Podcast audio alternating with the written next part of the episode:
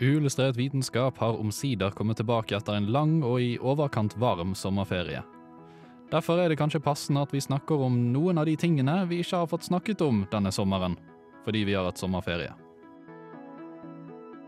Hallo, hallo, hallo, og hjertelig velkommen til nok ei sending med Uillustrert vitenskap. Mitt navn er Andreas Haugland, og med meg i studio i dag har jeg Andreas Riple. Hallo. Jeg har Kristine. Hei, hei. Og jeg har Martin. Hei. Ja, det er jo nå eh, noen måneder siden vi hadde sist sending, og eh, til dere lytternes store, store, store Hva heter det når det er ikke forærelse, men det motsatte? Uh, glede. Glede. Glede. Ja, så er vi da tilbake med nok et semester der vi skal produsere populærvitenskapelig innhold for dere. Jeg er klar. Du er klar? Ja. Helt klar. 100% klar.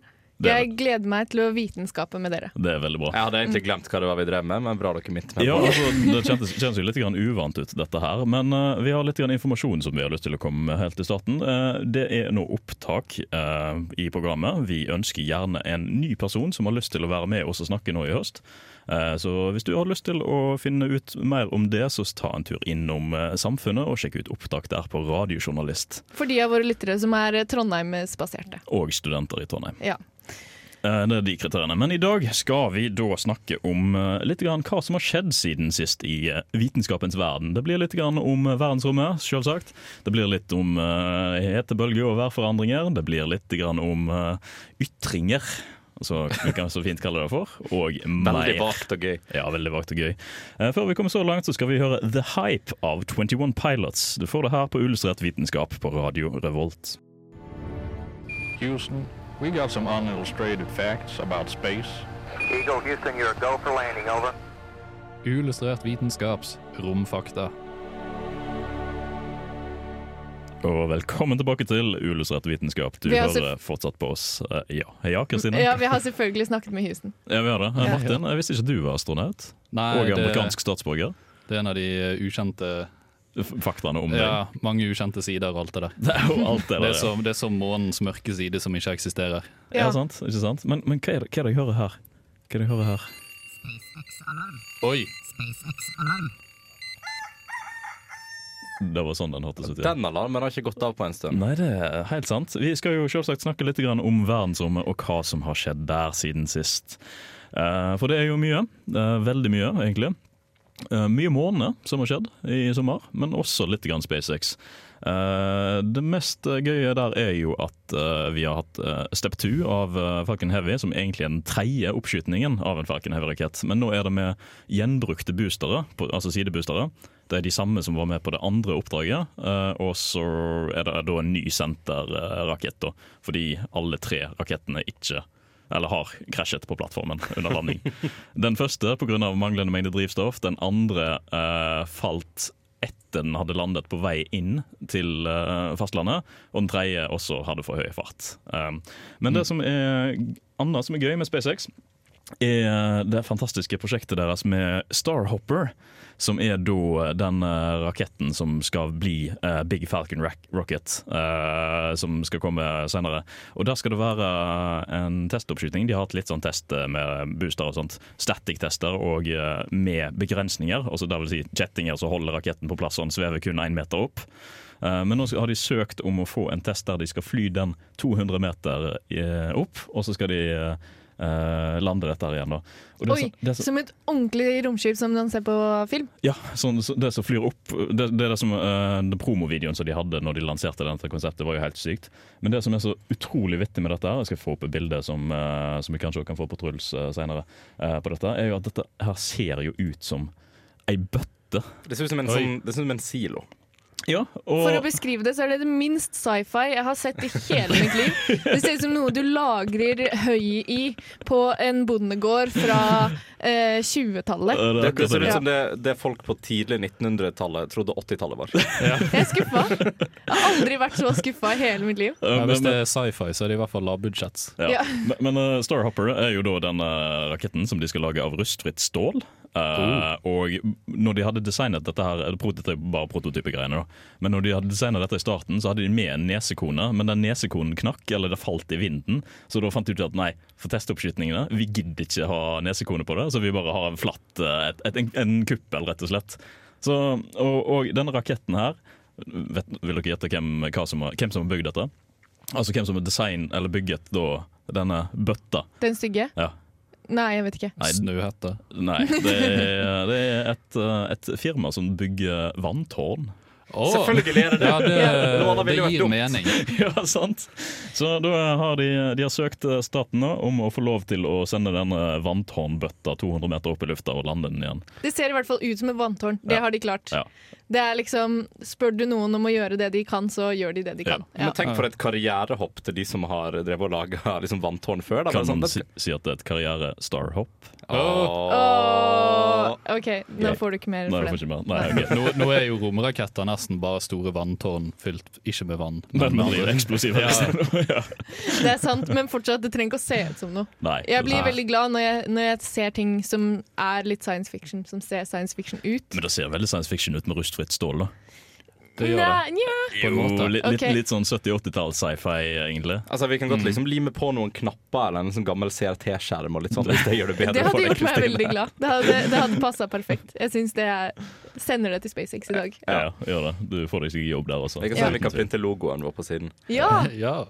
Men det er jo mange andre ting altså Det er jo ikke bare SpaceX som driver på med ting også rundt omkring i verdens romfartsprogrammer. Uh, vi har også hatt uh, Vi snakket tidligere i vår om det israelske oppskytningen. I februar, var det vel kanskje? Eh, som skulle til månen.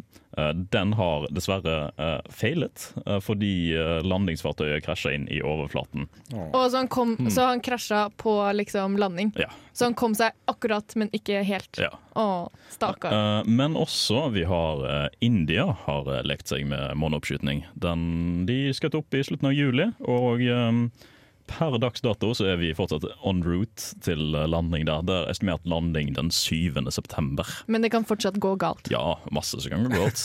Men Nå føles det veldig ut som du bare sitter og håper at det går galt. Kristine Nei, men jeg trodde at sånne ting Det er sånn Ja, nå har vi skutt opp, nå går det bra. Og så er det ikke garantert at det går bra. Nei. Vi klarer ikke å lande på månen engang. Jeg er litt skeptisk til alt det der eh, romreisegreiene til SpaceX når, når man krasjer med å lande med månen. Altså romfartøy er, nei, Romreise er ekstremt vanskelig. Det å lande på noe som er flere måneder dagsreise unna der du er. Nå tenker vi på Mars, det er ikke så langt til månen, heldigvis. Men eh, det å gjøre det, ja, utrolig vanskelig. Utrolig. Det er så mange missions som har feilet eh, på det.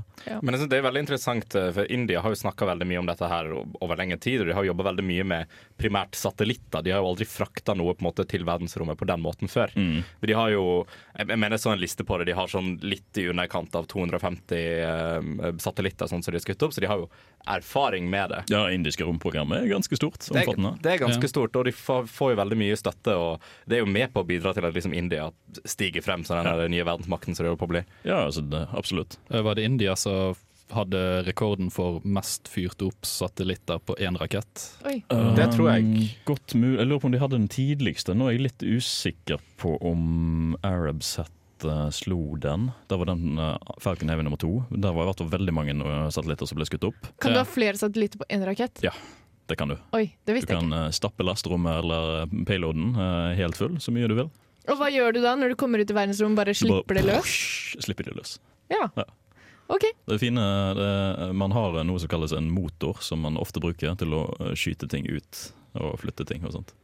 For å gi det kraft i en retning. I satellitten eller i eh, Alle steder. Raketten. Altså i, der det er lastet, og på satellitten. Og ja, altså en liten uh, eksplosiv boost der. Altså Du trenger jo egentlig bare å få satellitten ut der den skal være, og så begynner den å falle, og så er vi hey, good. Ja, men det må jo være den der, der den skal være. Ja, Dette ble veldig komplisert inni hodet mitt akkurat nå. Hvordan får du satellitter til å liksom Nei, men det er kanskje ikke så vanskelig. Det er litt som en sånn biesverm. Ja. egentlig. Du, du tar med deg en liten sånn her bikube opp dit, og så bare flyr de rundt i verdensrommet. Ok. Eh, Det er noen luringer, sånn som matteforeleseren min pleier å si. eh, Dette bevisene her er for kompliserte for oss å tenke på, men heldigvis så er det en lur person som fant ut dette for mange år siden. Så vi skal bare bruke det i praksis. Så vi slipper å tenke på det. Det går bra. Ok, bra. Jeg skal slå meg til ro med det. Slå deg til ro med det. Vi skal videre i sendingen og høre litt mer om hetebølger og værforandringer og det positive tilfellet av insektsdød eh, her på Ullestrett vitenskap. Men før vi kommer så langt, så skal vi høre 'Make a Move' av Winston Surfshirt. Du får det her på Radio Revolt. Signing the Paris Agreement is the worst way to celebrate Earth Day. As, a, as an atmospheric gas, it's a plant nutrient. So Obama's talking about all of this with the global warming and that, and a lot of it's a hoax. It's a hoax. Miljø er et sykt viktig tema å ta stilling til. Og det kan du gjøre her, på Uillustrert vitenskap. Det er helt riktig, Riple. Og hvordan kan man egentlig gjøre et tak her på Uillustrert vitenskap for miljøet? Det lurer jeg litt på. Eh, du må si ifra. Rekk opp hånda. OK. ok. Nei, uh, vi fortsetter litt med temaet om uh, globale kriseproblem og klimaendringer og alt mulig sånt, Martin. Mhm, fordi, som jeg nevnte helt i starten, så var det en varm sommer. For vi har hatt en hetebølge i Europa. Det en merka ganske vi. kraftig I år også. I år også. Tenk jeg, var, jeg var låst til kjelleren, jeg, fordi resten av huset var altfor, altfor, altfor varmt. Vi har ikke kjeller. Det eh, ble jeg veldig misunnelig, egentlig. Nå, Ja, ja. Ja, det var fordi at der jeg var i Bergen, så ble det målt 33,4 grader. Og det er jo Ny litt, rekord for Bergen, i hvert fall. ja, det er jo litt for varmt for en uh, kuldeglad nordmann. Det er jo det. Og det var tørt òg, ikke noe regn. Det òg var nytt. For Bergen. Og det slutta ikke der, fordi de målte 35 grader i Mosjøen, som er den høyeste temperaturen målt i Nord-Norge. Mm. Det ble målt 34,6 grader i Saltdal, tror jeg jeg har skrevet. Det er høyeste målte temperatur i den arktiske delen av Norge. Ja, sant. Fordi de, den eh, Det var jo noe på nyhetene med den der store rekorden som hadde var Jeg husker ikke når det var. Nei, hvor det var. Ja. Eh, men der kunne man ikke stole, stole på målingene, for den var ikke offisiell. Eh, Nei. det var bare en sånn eh, midlertidig måling, og så var det noen som gikk opp for å sjekke den stasjonen, og den hadde masse gress og sånn rundt seg, så det var falsk for høy temperatur da, på den målingen. Så Ja. den første rekordmålingen var egentlig ikke en rekordmåling. Ja, og dette var i nærheten av Mosjøen, så hvis de hadde Hvis målingen hadde blitt akseptert, så hadde de hatt eh, norgesrekorden, kan man si. Ja, okay, Ja, Mm. ja. For, eller høyeste målte temperatur i Norge, Noen gang. siden vi har begynt å måle Ja. temperaturer i Norge. Det, det er jo ikke noen gang. Ja. Ja. Eh, og så uh, drar vi litt halvveis over dammen til Island. Fordi uh, der har isbreen Okjøkul Den har forsvunnet. Forsvunnet. Ja, første, første isbre på Island som har smeltet. Det er ganske trist, egentlig. Det er, det er faktisk, trist. det er Jeg, tegn. jeg jeg, lurer litt på om han har mistet isbrestatusen sin tilbake i sånn 2014 eller noe. Ja, akkurat, Men ja. eh, denne Men sommeren så forsvant han visst helt. Siden uh, den gang så har det fortsatt vært en nedadgående kurve, rett og slett, på, Ja. på volum. Så islendingene de hadde en eh, begravelse for isbreen sin. Som seg hør og bør, egentlig. Jeg syns det er helt riktig. Ja, jeg òg. Men det skal jo sies at det er jo ikke bare så langt nord vi har hatt eh, det har vært problemer. Da. Europa har jo vært fullt av veldig høye varmerekorder. Ja, det var i stort sett, i hvert fall i Frankrike, Tyskland, veldig mye litt sør mot Spania. Var ikke det så gale som det var i fjor sommer. Mm. Det var det. Men eh, ja, det var en haug med nye rekorder der òg. Det var stort sett eh, sentrert over Frankrike og skal vi si Vest-Europa. Storbritannia hadde en haug med varmerekorder. Vi hadde jo en del i Norge òg. Og eh, der har vi jo eh, noe som heter eh, World Weather Attribution, som har sett litt på det her. Mm. Og eh, de har sett på, skal vi si, human contribution Ah, Oh til World Weather Attribution. Ja, i hvert fall.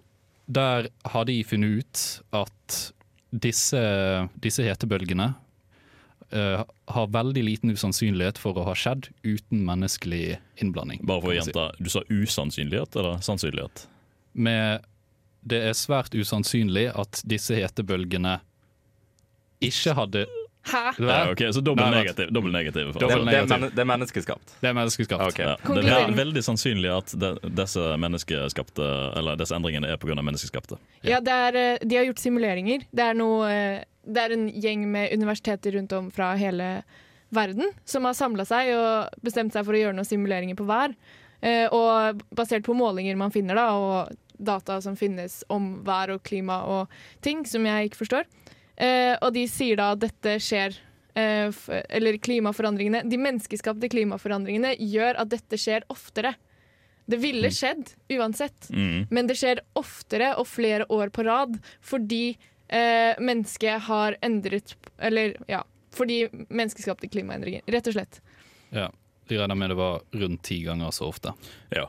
Ehm, og det har jo en litt eh, negativ spiraleffekt, dette her også. Altså, jo flere varmere perioder man har, jo mer vil man jo også forsterke eh, endringer. Altså F.eks. smelting av isbreer er jo en eh, tendens når det er veldig varmt. Ja, permafrost. Ja.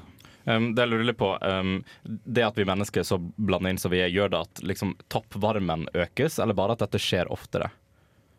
En kombinasjon. altså Toppvarmen vil jo være på globalt nivå. Eh, så da er det veldig vanskelig å se hetebølger i det perspektivet der. Fordi vi i Norge og Europa merker jo mest til de europeiske hetebølgene. eh, sånn sett, Og hvorvidt man kan se på europeisk som globalt er litt vanskelig. Men det vil jo være tendenser til at mer ekstremvær skjer også i Amerika. Det er jo eh, hva heter det, orkan som blir mer og mer ekstrem. Ja, ja, ja. Flere av hvert eneste år på østkysten. Eh, og ja, større, høyere temperaturer der også. Så ja. We Ja. fucked. Det er jo generelt det at eh, man får mer ekstremvær oftere. Ja. Ja. Så det blir ekstremt varmt og ekstremt kaldt, og det er på en måte det som er farlig. Det er ikke den generelle temperaturen, men det er bare det at det er ekstremt. Det er det som er krise da, for oss mennesker, og det som gjør det eh, kjipt for oss å bo et sted hvor det er det. Ja, det, det er jo en berg-og-dal-bane. Ja. Det. Eh, men vi snakket jo også mest om dette her da når vi hadde utesendinger våre på Feelgood-festivalen. Snakket vi jo mye om eh, klimaendringer og hva som kunne gjøres for, uh, å, um, for å forhindre det. Altså hva, for, hva vi kan gjøre for å nå energimålene og alt mulig sånt. Eh, så hvis du har lyst til å høre mer om det, så anbefaler vi gjerne å sjekke ut de sendingene der. Finne de på radiorevolt.no, eller kanskje også din favorittpodkasttjeneste. Fly mindre. Fly mindre, det må du gjøre. Eh, dette her har jo også en annen konsekvens, at eh, det blir varmere i lufta. Og, eller en medvirkende faktor da, til det som er litt kjipt, som blir da en insektdød. og eh, en stor påvirkning på økosystemet sånn sett eh, videre der òg. Fordi eh, insektdøden eh, fører jo også til at det er færre bidragsytere til pollinering av planter. Eh, Noe som vil være et veldig stort problem for matproduksjon, fordi planter er jo nødvendig. Eh, planter trenger pollinering for å formere seg og å skape frukt og bær og alt slags. Så, så, så. Så vi får ikke flere planter med mindre vi pollinerer de vi har. Nei. Det er plantesex, rett og slett. Plantesex, det må vi gjøre. Bien og blomsten, rett og slett. ja. Eh, men dette her er jo òg en, en kombinasjon med uh, bruk av uh, antipesticides. Uh, Insektmidler. Insektmidler, så det er Ja. på norsk. eh, som viser til at det er omtrent Skal vi se, hva var det det sto? Eh, det var en artikkel på National Geographic som eh, argumenterte for at det var omtrent 40% mindre insekter nå i dag enn for eh, 30 eller 40 år siden. Uh, Pga. bruk av uh, nervelammende uh, insektmidler. Uh, og dette her er jo et stort problem pga. nettopp sakte grunner. Så hva er det man egentlig kan gjøre da for å prøve å motvirke dette? Altså Vi trenger jo pollinering. Altså, vi trenger jo å utvikle altså, nye insektmidler som kanskje ikke er så aggressive på det. da. Ja, Men plutselig så er det for sent? farlig for noe annet. Det er, men det er jo folk som eh, eh, foreslår det at du skal rote i hagen din for at humlene skal få lov til å eh, vokse der og bo der. Det er jo mange som har skapt sånn humlehager Mm. og sånn eh, humlebord i hagen sin, så de kan ha humler der. Mm. Man må være glad i humlene og biene. Det er man nødt til. Ja, Du kan ikke være redd for veps nå. Nei. Så ser, vi ser kan alle, ser alle på rifle. Veps er jo Ja, fy-fy. Nei, det er ikke det. Uh, ja, sant? Det er et alternativ. Å ha litt mer sånn Du kan ha din egen hage som er mer tilpasset på det. Du kan sette opp en bikube, den slags ting. Men man kan også se på mulighetene for um, droner. Smådroner som skal imitere insekter. Kanskje det kan være løsningen. Det er en Black Mirror-episode. Det er begge det. Ja, det er det faktisk. Men kanskje det kan gå? Spennende. Eh, ja, jeg, jeg er personlig litt grann negativ til dette her. Eh, pessimistisk da, til at det kommer til å funke eh, av veldig mange faktorer, egentlig. Eh, fordi å imitere et insekt er en utrolig vanskelig prosess. Et Eh, insekt er jo et levende dyr som Ja. tenker. Og selv om idealet for mikroroboter er insekter, altså man ser på hvordan de oppfører seg, hvordan de oppfører seg i flokk, eh, hva de gjør, den slags ting, så er det vanskelig å altså, For det første, du skal programmere dette. her Du skal ha et smart eh, AI-nettverk som kan oppføre seg likt som dette. her, Identifisere pollen og fly rundt og alt mulig sånt. Det er jo det greia, første. Det er veldig komplisert å gjøre det. Det andre er at uh, man kanskje ikke tror eller ser for seg uh, hvor vanskelig pollineringsprosessen egentlig er. Eh, og at disse robotene da ikke klarer det samme som insektene gjør. Uh, det tredje er kostnad. En robot kommer til å koste veldig mye å lage. Uh, kanskje det ikke er effektivt i det hele tatt. Det tredje, fjerde blir da eh, miljøpåvirkning. Tjener vi egentlig noe på det? Jeg vil jo tro at det kan, altså, krasje og dø. da de hvis du skal produsere dem, så er det jo miljøavtrykket og alt mulig sånn Alt mulig sånn inn. det er. Og alle de som krasjer med bilruter. Tenk deg det!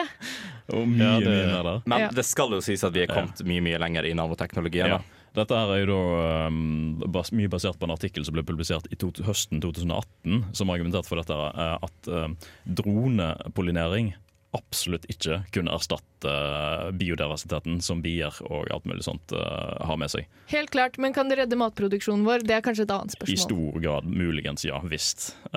Visst om at ja, mm, Ja. Dersom vi vil, ja. Ja, ok. Det- Det, var et dersom, dersom at det at det. Vi får la ingeniørene tenke litt videre på det. Ja. Ja, dersom vi vil. Vi klarer jo å samarbeide ganske godt om å drepe insektene, så kanskje vi òg kunne klart å samarbeide om å redde de òg. Er det en frivillig samarbeid, eller er det ufrivillig samarbeid?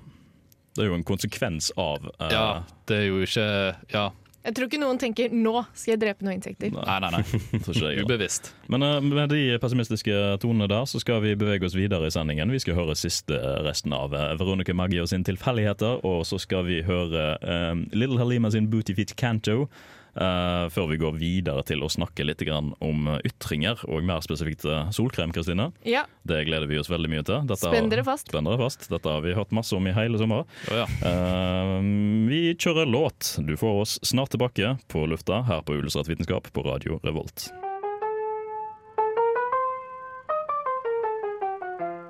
Fra tidenes morgen har mennesket måttet teste ut hvordan ting egentlig fungerer. Hvordan skal vi gjøre det i dag? Uillustrert vitenskap tester ting. Og i dag så skal vi teste ytringer på NRK, ikke sant Kristine? Eh, Vi skal teste solkrem. Det er det hovedsakelig vi skal teste. Eh, nei, jeg tenkte fordi eh, hele, hele bakteppet til dette var at jeg leste en kronikk i NRK eh, som var skrevet i starten av august, hvor en professor i fysikk mente at vi bruker for mye solkrem. Eh, det har vært mye redaksjoner på den eh, saken, vel å merke, eh, både som har vært publisert i NRK og andre steder. Eh, og det var egentlig budskapet hans var at hvis du bruker for mye solkrem, så fjerner det effekten av sol som er bra for oss, da. Um, og så kommer jeg med masse argumenter om hvorfor effekten av sol eh, eller hvorfor sol er bra for oss, og hva det gjør bra for mennesket. Og ja, sol gjør masse bra for mennesket, det er helt klart. Men det kan også gi oss sol... Nei. Hudkreft. Eh, og det har da vært de meste av reaksjonene på dette, har vært ja, men hudkreft.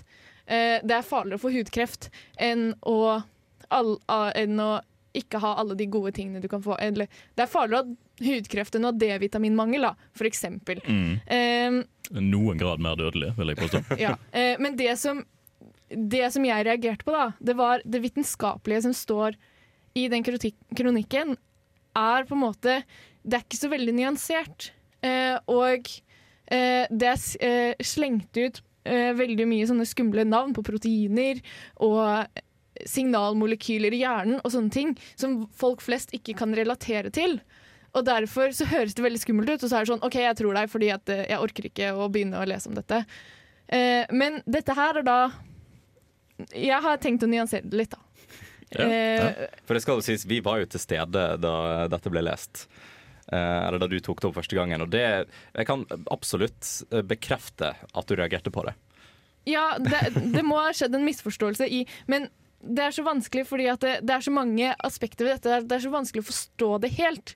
Men jeg skal pitche inn med det jeg kan, eh, og så eh, skal vi se åssen det går. Ja. Eh, fordi at eh, her mener han at det er Første punktet er at han mener at det er et protein som heter P53, som aktiveres av sola, som reparerer skader i DNA. Eh, og det er, ja, det er sant, men det er sånn at eh, det oppstår skader i DNA hele tiden. Hvert minutt vi står her, så blir det skader i vårt DNA, og kroppen vår fikser det. Null stress, ikke noe problem. Eh, for vi, eh, dette er dette proteinet veldig med på å regulere. Får du for mye skader i DNA, så går det litt ekstra tid til å fikse det opp. Eh, og så er det når du får solstråle på huden din, så blir det mye skader i DNA-et eh, i huden din. Eh, og det er ikke sikkert Det kan hende det blir så mye skader at kroppen ikke klarer å fikse det. Ja, så Det har veldig potensielle for da, at du har en større negativ eh, skaleringsfaktor enn en positiv skaleringsfaktor. Altså Du gjør mer skade enn godt hvis du soler deg. Ja, fordi at det blir skader. Sol, solstråling er dritfarlig, Ja, ja. men det er sånn Kroppen klarer å fikse det, men blir det for mye, så klarer ikke kroppen å fikse det lenger. Og det er ikke sånn at eh, sola gjør at du får et protein som beskytter DNA-et. Det er sånn at sola gjør at du får skader i DNA-et, som gjør at kroppen må lage mer av det proteinet som beskytter DNA. Eh, det var det ene punktet. Og så var det andre punktet et veldig fint eh, signalmolekyl som er like eh, kult å snakke om eh, i enkelte kretser som endorfiner. Mm. Eh, og det er et eh, protein som heter POMC. Jeg skal ikke gidde å Poms. eh, rett og slett. Eh, og det står jo da i denne kronikken at dette er meget spennende. Og ja, det er det. Veldig spennende. Det er et eh, protein som gjør deg mett. Eh, det er et protein som gjør at du lager eh, brunfarge. Eh, og det er eh, et eh, endorfin. Altså det gir deg en lykkefølelse. Eh, så det, da er argumentet at du blir glad av å være ute i sola pga. dette proteinet. Og mett. Ja. Og mett. Eh, Trenger men- man mat hvis man har sol? ja, nei, jeg vet ikke helt. Fotosyntese, det klarer man på egen hånd. Men greia er at det, det er ikke sånn. Altså, du får mye mer endorfiner av å gå deg en tur. Uansett hva slags vær det er. Mye av å eh, gi bestevennen din en klem. Eh, og å trene eller ha sex eller andre ting som gjør deg lykkelig. Du blir mer glad av det enn eh, å være ute i sola og sole deg. Mm. Eh, bare på det endorfinnivået, da. Så det er snakk om ganske lite, som kanskje ikke har noe å si i virkeligheten. Og så er det dette argumentet med D-vitamin. Mm. Og D-vitamin, det er ikke noe problem. Det er eh, Evolusjonen gjorde at vi som bor i Norden, har lys hudfarge kun fordi at vinteren er så lang. Eh, og det at vi klarer å ta opp nok sol vin om vinteren, eller skal kunne være i stand til å ta opp sol, når, nei, en D-vitamin eh, om vinteren, gjør at det er ikke noe problem om sommeren. Du klarer å eh, Det er ikke sånn at det er ikke sånn at solkrem fjerner all effekten av sol på deg. Du får fortsatt sol på deg selv om du har på deg solkrem. Så det å bruke solkrem det beskytter deg jo ikke 100% mot sola. På samme måte som, det, altså, på samme måte som du skytter deg ved sol, mot sola av å sitte i et mørkt rom. Mm. Eh, så du får fortsatt Altså du kan fortsatt bli glad da, av å være ute i sola. Men du beskytter deg mot de skadelige solstrålene? Ja, og du beskytter beskytter deg mot det som er farlig. Ja. Eh, og derfor så er det en oppfordring til alle mennesker eh, å bruke solkrem. Eh, og ikke tvile på det helsemyndighetene har sagt, fordi at eh, de har veiet alle argumentene opp og mot hverandre. Og så har de sagt at vet du hva, det er bedre å ikke få hudkreft enn å, det, nei, å, enn å ha D-vitaminmangel. Men for vi får runde av litt grann denne her, eh, diskusjonen. Solkrem er jo veldig nødvendig hvis man skal være ute i eh, sola. Ja. Um, hva sier egentlig dette her om et mediehus sin posisjon når de tillater eh, den type artikler å postes uten tilstrekkelig med kildehenvisning eller referering til det? Altså Er ikke det en ugreie med medier? Altså, at, Problemet er jo ofte at man ikke på samme måte man, Det er ikke samme krav da, til å referere til kildene sine. Altså artikler som det er i et vitenskapelig tidsskrift. Du kan komme med sånne påstander uten å nødvendigvis trenge å måtte eh, ha eh, altså uten å måtte ha referanser da, og fotnoter og alle mulige sånne ting. Men mm -hmm. det er på en måte, det virker ikke som om det er sånn journalistikken fungerer. da. De må eh, vise til hverandre, men ikke til eh, vitenskapen bak det. Det skal jo sies at uh, vi gjør akkurat det samme, uh, Ja. men uh, for et stort Oi sann, hva var det? Det er tatt et skilt ned. et, et stort eh, offentlig eh, mediehus på en måte som fremmer sånne ting som dette, burde ikke det være en, en liten del av uh, Ja, altså Jeg tror det ikke hele? de har folk. det er ikke, Nei, nei. nei. Altså, det, er det er jo kanskje mer en etisk greie, da, om dette er greit å på en måte fremstille fra Ja. det synspunktet. Men det skal jo si journalist, en journalist er jo ikke en beskytta tittel på noen som helst måte. Uh, og dette var vel kanskje en meningsytring òg? ja, det var Ja, en ja, meningsytring, men det var en, og så kommer det en vitenskapsmann, da, han er jo fysiker, men, uh, og så er det kanskje, kanskje han har misforstått, kanskje han har tolka det på en annen måte. Og det er bare det at eh, Og man skal jo få lov til å ha de meningene man vil ha, men det er bare det å komme ut med eh, sånne navn på proteiner, skumle vitenskapelige ord, eh, der har folk som skriver om vitenskap et ansvar om å ikke eh, skremme folk, da, eller Mm. eh, komme med liksom påstander eh, som kan gjøre det vanskelig for folk å ta de rette valgene om helse. Det er det det snakker om, liksom. Mm, mm. Eh, Og dette er jo dette er for så vidt eh, noe som kan være veldig interessant i neste episode av Uillustrert vitenskap, så vi kanskje skal snakke om det òg. Ja, Vi kommer, vi kommer Vi, kom, vi, tilbake kommer, til det. Vi kommer til å fortsette Ja. på det der, for det er veldig interessant. Ja. Eh, For det stemmer faktisk, det skal vi snakke om neste uke litt mer. Om da, hva blir det, mer spesifikt medienes påvirkning på spredning av informasjon, kanskje? Litt grann i Ja, den egentlig bare reisen fra en vitenskapelig artikkel, og hvordan mediet formulerer dette videre. Ja. For der skjer det ganske mye, og mye som man ikke kan eh, kontrollere da, så mye. Og Mm. det å factsjekke alt, det får man bare ikke gjort i en travel hverdag som journalist. Nei. Moralen er uh, ytringer er skummelt å lese på fritida. Stol på helsemyndighetene. Stol på helsemyndighetene. Gjør det. Det er faktisk utdannede mennesker som uh, stort sett vet hva de driver med. Uh, så i, altså, i Mer enn oss, i hvert fall. Ja, I lik- likhet med alle mennesker så vet de stort sett hva de driver med. De fleste tider. Vi skal høre siste, nei, første resten, faktisk. Hele resten av låten 'Keen' med Brenn her på Uillustrert vitenskap på Radio Revolt. Av og til kan det være vanskelig å finne fram til riktig fun fact. Derfor har vi samla mange funfacts på ett sted, slik at det blir lettere for deg å finne fram til riktig funfact. Funfact Fun illustrert vitenskap. Det stemmer, vi er tilbake her på lufta. Du hører fortsatt på Uillustrert vitenskap, og vi begynner kanskje omsider å bli litt varme i trøya etter våre tre-fire måneder så lange pauser. Det blir fort litt lange pauser, altså. Ja, det blir det. So- Sommerferien er lang. Semester. Ja, Ja, den er det. den er. Men jeg tenkte vi skulle prate bitte litt om, eh, om noen ting som jeg fant og skjedde i løpet av sommeren. Blant annet at robotene tar over og vi er fucked. Ja, ja, stemmer det. Det har jo allerede skjedd. Skjedd. Eh, nei, men vi har eh, kommet eh, ganske Eller har fått noen fremskritt i sommer eh, som handler litt om nanoteknologi og bioprinting, som jeg syns er veldig fascinerende. Da. Ja. Eh, det at vi er i stand til å printe, eller i hvert fall snart kanskje i stand til å printe fungerende organer og fungerende kroppsdeler. Mm -hmm. der har de faktisk tatt litt progresjon nå i sommer. Snart? Snart. Hæ?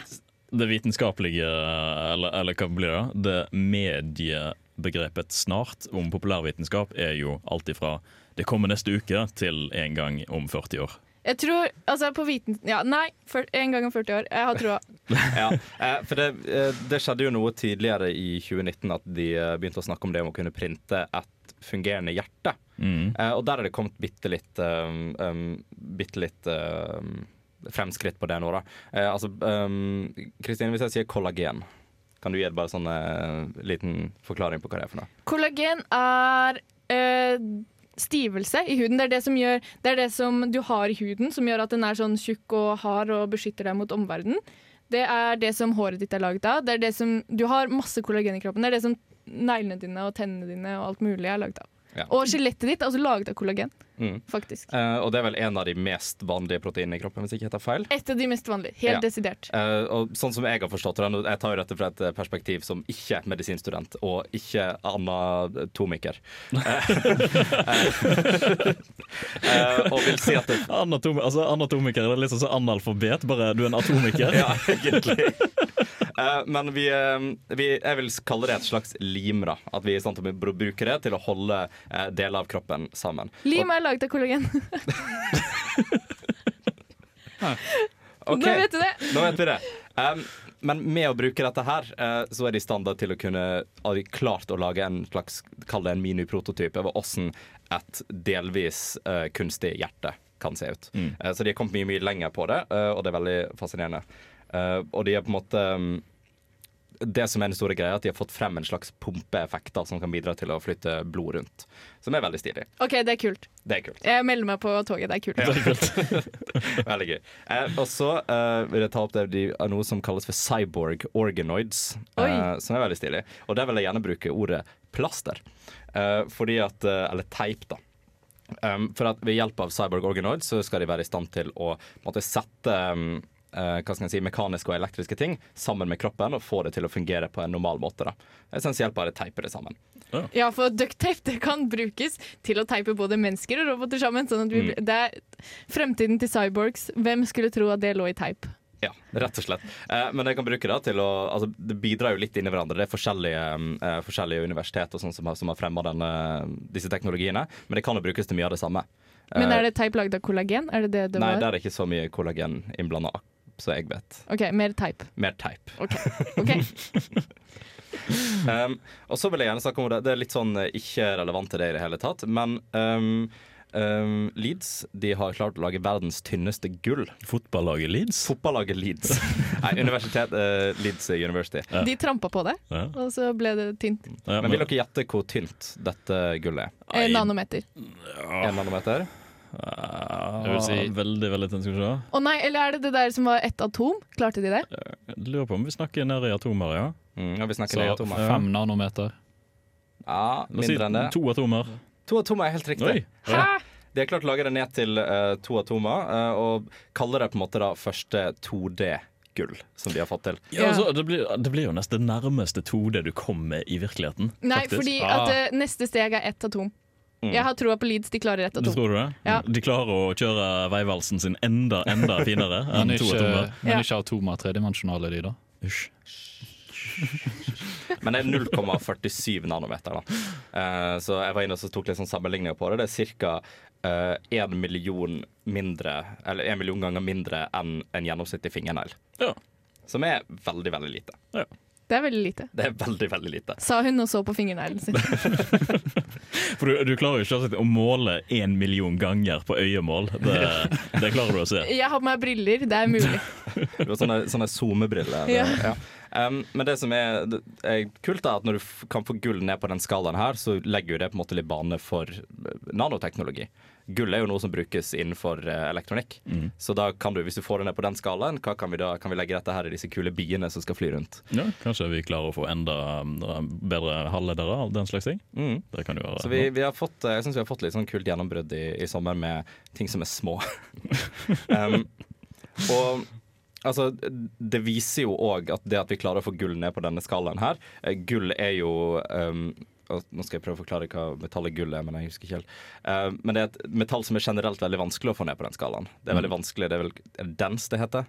Tungt. Det, det er veldig tungt, ja. Ja. ja. Uh, så det er veldig vanskelig å få det ned der og fortsatt ha det stabilt. da. Mm. Um, men Og så det blir ustabilt, liksom. Og bryter ned til andre atomer. Nei, ja, bryter den til andre atomer? Nei, Det vil være være at det bryter sammen på sin egen vekt, av sin egen vekt. Men hva skjer da? Det knekker. Ja. Ja, men Blir det eksplosjon, eller blir det ikke? Nei, nei, nei. nei, nei, nei. Men blir det ikke Å ja, oh, ja, sånn at oh, ja, sånn at eh, gullfolien knekker. Ja. Å ja, Ja. å ja. Men det kan brukes da som en eh, katalysator. Ja. Um, I den forstand at det kan vel Det vil vel si at det kan være At det kan uten å endre seg sjøl skape reaksjoner i andre metaller. Ja, hvis, det kan øke reaksjonshastighet. ja, øke reaksjonshastighet. Og hvis du kan få, få til det på et eh, så lite nivå, imagine what we can do. Mm. Det kan bli Tenkt, spennende. ja. Mm. The horizon is the uh, barrier og alt mulig det der, Ja. som det kalles på godt norsk. Ja, så i løpet av sommeren så har det skjedd eh, små, men store ting. Ja. Vi er inspirert. Vi har jo selvsagt én liten siste ting som vi glemte å nevne i det første, første delen der vi egentlig skulle snakke om det. Og det var jo òg at i sommer så var det 50-årsjubileum for uh, månelandingen. Det var det absolutt. Det var det absolutt. Og Oh, yeah. der var det vel også en, uh, en dokumentar som var lagd med utelukkende uh, footage fra den faktiske sendingen som du så uh, tidligere i sommer, som jeg vil veldig anbefale å se hvis den kommer over den dokumentaren. Det var kun brukt uh, gamle, restaurerte film, eh, videoklipp og den slags ting fra, fra oppskytingen. Tenk at vi klarte å glemme bursdagen til måneopplandingen. Ja. Det var så selvfølgelig at vi bare glemte det. Mm. 16. til 20. juli 1969. Ja, fire dager. Da, da var det noen mennesker som var veldig veldig glad og ikke var på jorda. De var så langt unna Ohio som de overhodet kunne Mm. være. Ja. Så, de, så det kalles. Men vi skal begynne å runde av sendingen. Uh, før vi kommer så langt som dette, her, så skal vi høre låten RSVP av Caper Parade. Du får det her på Ullustrert vitenskap på radio Revolt. Hi, this is Grant Sanderson from the YouTube channel 3 Blue 1 Brown, and you're listening to Unillustrated Science. Det stemmer. Vi hadde Grant Sanderson her eh, på besøk i våres. Det intervjuet ligger ute på Spotify og Radio Revolt hvis du hadde lyst til å høre det. Og ikke minst sendingen om realfag som vi hadde da før vi runda av eh, før sommer. Det var spennende. Det var veldig spennende. Eh, vi har jo kommet til veis ende for eh, høstens første sending. Eh, vi gleder oss veldig masse til å produsere mer innhold for dere til eh, høsten som kommer også. Eh, Men for å gjøre dette så ønsker vi veldig gjerne å minne på om eh, at vi har opptak. Vi har lyst til å få en ny person med oss til å snakke med oss i studio. eh, For fra og med Ok da, blir det? September-ish. Yes. Opptaks, opptaks, eller Søknadsfristen på Samfunnet er vel 25. august. Ja.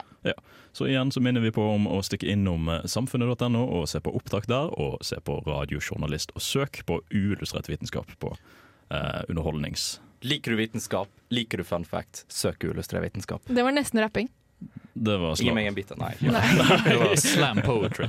Slam poetry. Det er det vi kaller det. Det, det er kalas, Men For å si det sånn. for å si det sånn. det har skjedd mye i sommer Det har det. på, på nytt, forskningsnytt-fronten. Og vi skal ha mer temabaserte sendinger eh, denne høsten. I dag har det ikke vært så veldig temabasert sending. Det var det som var nytt. Det var som var Mye forskjellig. De jobber i alle fagfelter. Ja. Eh, hardt om sommeren eh, med forskning. Ja. Sånn er det. det. Vitenskapen tar ikke sommerferie. Ja, ja. Det gjør alle andre. Det er helt sant. Eh, hvis du har lyst til å høre flere sendinger eh, som vi har lagt ut, så ta en tur innom radiorevolt.no og sjekk ut uh, Uillustrert vitenskap der. Tidligere sendinger skal ligge ganske mange sendinger der. Eh, og hvis du har lyst til å høre på andre programmer på Radio Revolt, så finner du også de der. Men vi ligger også på Spotify eh, og alle dine andre favorittpodkasttjenester. Så hvis du syns det er enklere enn å gå inn på nettsiden vår, så ta turen dit. rett Du og slett. finner oss hvis du søker. Og hvis du har lyst til å sende melding til oss, så har Ja. vi òg en Facebook-side. Det har vi. Bare Vi- å sende en fin Vi har fått spørsmål i sommer. Har vi. Vi har ikke glemt deg, kjære dere. Eh, kjære spørsmålinnsendere. Det er planlagt eh, å eh, svare på deres spørsmål i Det kommer. fremtiden. Det kommer. Faktisk. har vi en Instagram også? Vi har en Instagram. Har det vært liv i den? Nei, Skal det være liv i den? men det skal bli liv i den. Følg med på Instagram. Med Kanskje det er liv. Snart. Snart. Vi håper dere har uh, kost dere med den første sendingen vi har til høst, og vi gleder oss som sagt til å produsere mer. Her får du avslutningsvis 'Tryllefløyten' av Fjorden Baby.